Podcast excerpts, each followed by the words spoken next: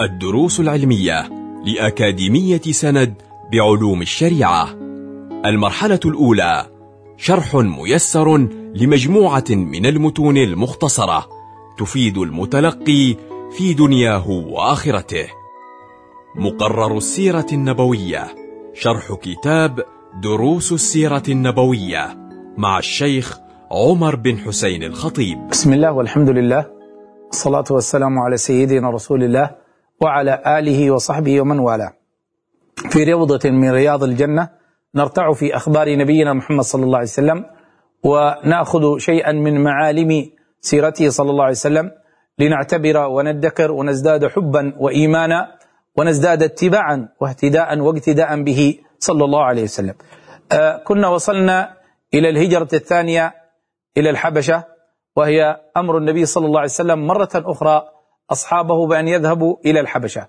وفي هذه الهجرة آه كان بضع وثمانون من أصحاب رسول الله صلى الله عليه وسلم هاجروا إلى الحبشة وفيها أرسلت قريش تطلب ردهم من النجاشي وأرسلت للنجاشي الهدايا ولكن النجاشي استمع إلى ما جاء به الصحابة عن نبيهم محمد صلى الله عليه وسلم وتأثر تأثرا كبيرا ورؤيت الآثار بالدمع عليه وقال إن عيسى ما زاد عما قاله نبيكم مثل هذا العود أي أنه كما قال نبيكم كما يعلم ذلك النجاشي.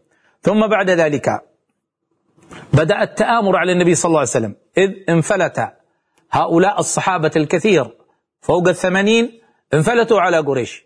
ما بقي ممن يعذب في المكة إلا المستضعفين ممن لم يقدر على الهجرة. إلى الحبشة لا في الأولى ولا في الثانية. ثم بعد ذلك بدأت قريش تتآمر على النبي صلى الله عليه وسلم مع أنه كان في مناعة من قومه صلى الله عليه وسلم. لكن بدأت التآمر عليه. قال الشيخ الهدار في كتابه دروس السيرة النبوية يصف هذا الأمر التآمر على رسول الله صلى الله عليه وسلم.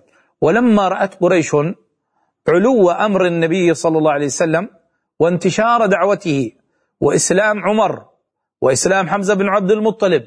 وما ناله المهاجرون من النجاشي من الأمن والأمان ومن الحظوة. رأت أن الأمر بدأ يدخل مرحلة جد. إذا لابد أن تأخذ الرأس. على كفار أن يأخذوا الرأس وهو سيدنا محمد صلى الله عليه وسلم. ولا بد أن يريدوا قرارا عظيما فيه. وفشوا الدعوة في القبائل. اجتمعوا بالمحصن بأعلى مكة مكان بأعلى مكة. وأجمعوا على مقاطعة بني هاشم وبني المطلب. إيش المقاطعة؟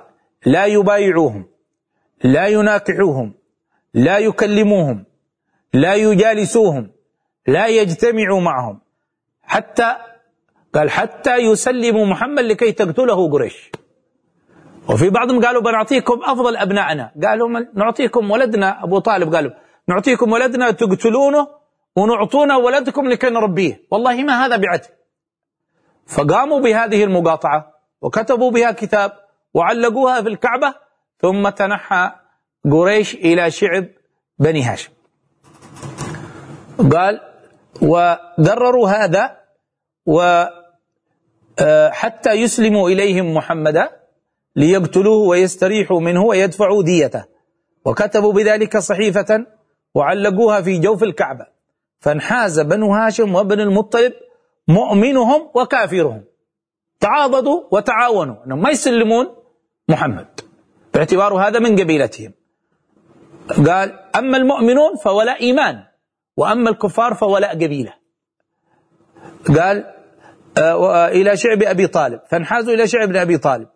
في هلال المحرم سنة سبع من البعثة. ومعهم النبي صلى الله عليه وسلم إلا أبا لهب. فإنه ظاهر قريش على الرسول على عداوة النبي ومكث في مكة. ما انحاز معه؟ استثني من بني هاشم. ومكثوا في هذا الحصار الظالم مضيقا عليهم أشد الضيق مقطوعا عنهم الميرة الغذاء والطعام نحو من ثلاث سنين حتى أكلوا أوراق الشجر. حتى صار يقول بعض الصحابة كنا يخرج منا الغائط كما تبعر الغنم. إلى هذا الحد. وهذه الشدة وهم في صبر وثبات وإظهار قوة جعش حتى جهدوا أشد الجهد وأكلوا الخبط والسمر وسمعت أصوات الصبية من وراء الشعب بالبكاء والأنين من شدة الجوع. فتحركت عاطفة بعض القوم من الكفار تحركت عاطفتهم وهكذا تستغل آه، شؤون الكفار الذين تندفع عواطفهم نحو الخير بدون بدون أن يكون لهم أي شروط ضد الإسلام وضد الشريعة. تستغل هذه العواطف. فتحركت عاطفة بعض القوم وسعى في نقض الصحيفة. رهط من قريش كانوا كارهين لها وأولهم هاشم بن عمرو بن ربيعة ابن الحارث. وقد أطلع الله. هم سبحان الله الله يدير هذه الأمور في, في الأرض في مكة.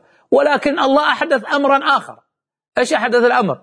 أطلع الله نبيه أن أن الأرض حشرة الأرض هذه التي تأكل الكتب أكثر ما تأكل الكتب والخشب سلطها الله على الصحيفة فأكلت كل كلام باطل وما أبقت لهم إلا اسم الله. هكذا أطلع الله نبيه. ونبيه بعيد ما يقدر يدخل مكة. فأخبر النبي أبا طالب. فخرج أبو طالب وأخبر الناس. قالوا عادك تتنبأ وتجيب كلام مثل هذا؟ بندخل عند الصحيفة وبنشوفها. إن طلع كلامك كذب بنكتب عليكم تحت هذه الصحيفة إنكم أكذبوا العرب. يا بني هاشم. قال لهم لا محمد قال لي كذا وكذا. فدخلوا فوجدوا الصحيفة العرب قد أكلت من الصحيفة كل شيء إلا ما كتبوه من باسمك اللهم. اسم الله عز وجل هذا الذي بقي. والباقي كله أكلته الأرض فأكلت الباطل عليهم. وما اعتبروا كثير منهم ما اعتبروا والعياذ بالله تبارك وتعالى. وقد أطلع الله رسوله على أن الأرض قد أكلت جميع ما فيها من جور وقطيعة إلا ذكر الله تعالى. وكانوا يكتبون باسمك اللهم في كتبهم. فأخبر عمه أخبر رسول الله. عمه أبا طالب بذلك وهو أخبر قريش به. وقال لهم إن كان ما قال ابن أخي حقا خلاص هكذا يقول ابن أخي شوفوا الواقع عندكم. إن كان ما قال حقا فارجعوا أنسوا رأيكم اتركوا هذا الأمر. الرجل منبأ من قبل الله عز وجل. فأنزلوا الصحيفة فإذا بها ما أخبرهم به الرسول. بها ما أخبرهم به الرسول. ثم صنع ذلك الرهط ما صنعوا في نقض الصحيفة. نقضوا الصحيفة وخرج الرسول صلى الله عليه وسلم ومن معه من الشعب في السنة العاشرة بعد حصار دام ثلاث سنوات. كيف؟ إنه من يتقي واصبر فإن الله لا يضيع أجر المحسنين في السنة العاشرة من المبعث ثم مات أبو طالب بعد ذلك بستة أشهر وماتت خديجة بعده بثلاثة أيام فحزن الرسول صلى الله عليه وسلم لموتهما حزنا شديدا حتى سمي ذاك العام عام الحزن لحزن النبي صلى الله عليه وسلم. لأن خديجة كانت خير مؤازر وخير مناصر وخير منفق للمسلمين وأبو طالب كان خير منعة لرسول الله صلى الله عليه وسلم ما كان ينيل هذا.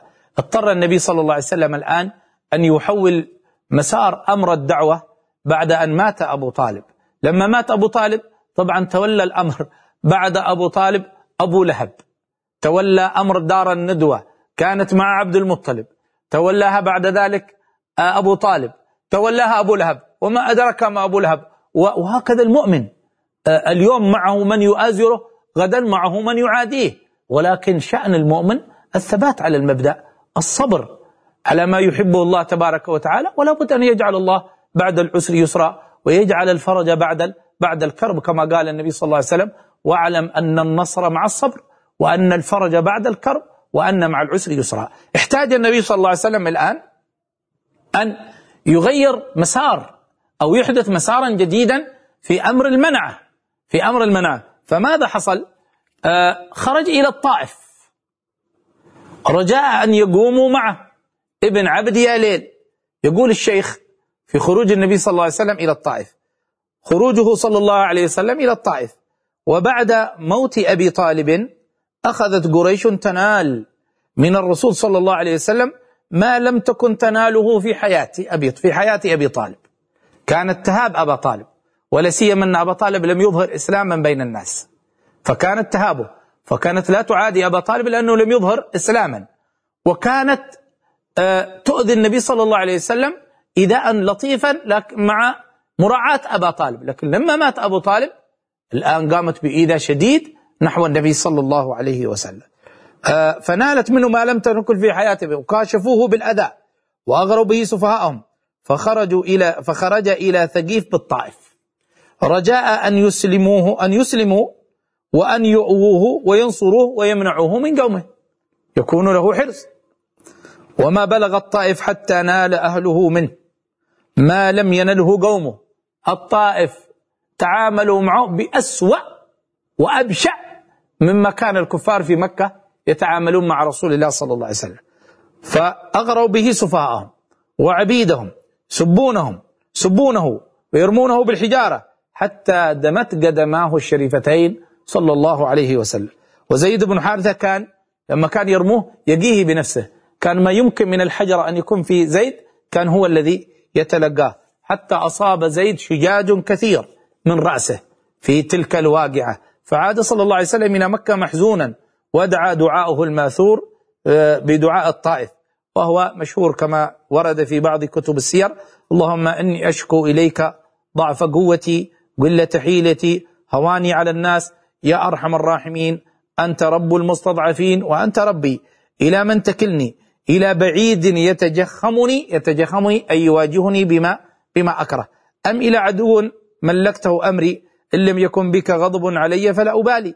ولكن عافيتك أوسع لي. أعوذ بنور وجهك الذي أشرقت له الظلمات وصلح عليه أمر الدنيا والآخرة أن يحل علي سخطك أو أن ينزل بي غضبك لك العتبى حتى ترضى. أي أنا مقيم على طلب الرضا منك. لك العتبى حتى ترضى. ولا حول ولا قوة إلا بك. فأرسل الله تعالى إليه ملك الجبال يستأمره أن يطبق الأخشبين على أهل مكة. هكذا أكثر أرباب السير يطبق الأخشبين على أهل مكة. مش أهل الطائف. في بعض الروايات أنه على أهل الطائف لكن الراجح أنه على أهل مكة. لأنهم هم الذين أحوجوه أن يخرج إلى إلى الطائف. وهما جبلان بينهما آه، بينهما مكة. فقال صلى الله عليه وسلم لا لا يطبق لا يكون عذاب عذاب يقصد مثل الأقوام الأنبياء من سبق. بل أستأني بهم تأنى بهم أصبر عليهم. لعل الله أن يخرج يخرج من أصلابهم من يعبد الله ولا يشرك به شيئا. فكانت هذه أمنية النبي صلى الله عليه وسلم وكانت محققة. فكم خرج من أبي جهل إكرمة بن أبي جهل من خيرة أصحاب النبي محمد صلى الله عليه وسلم وهكذا. ولما عاد الرسول صلى الله عليه وسلم إلى مكة دخلها في جوار المطعم بن عدي فانتهى إلى الركن فاستلمه وصلى ركعتين وانصرف إلى بيته وللمطعم بن عدي ولده محدقون بالسلاح يحفظونه حتى دخل إلى بيته صلى الله عليه وسلم. أسأل الله عز وجل أن يرزقنا حب رسول الله وحسن متابعته في خير ولطف وعافية. والحمد لله رب العالمين. كنتم مع الدروس العلمية لأكاديمية سند بعلوم الشريعة. يمكنكم متابعة جميع الدروس عبر موقع الأكاديمية وتطبيقاتها الإلكترونية. سند علم سلوك دعوة.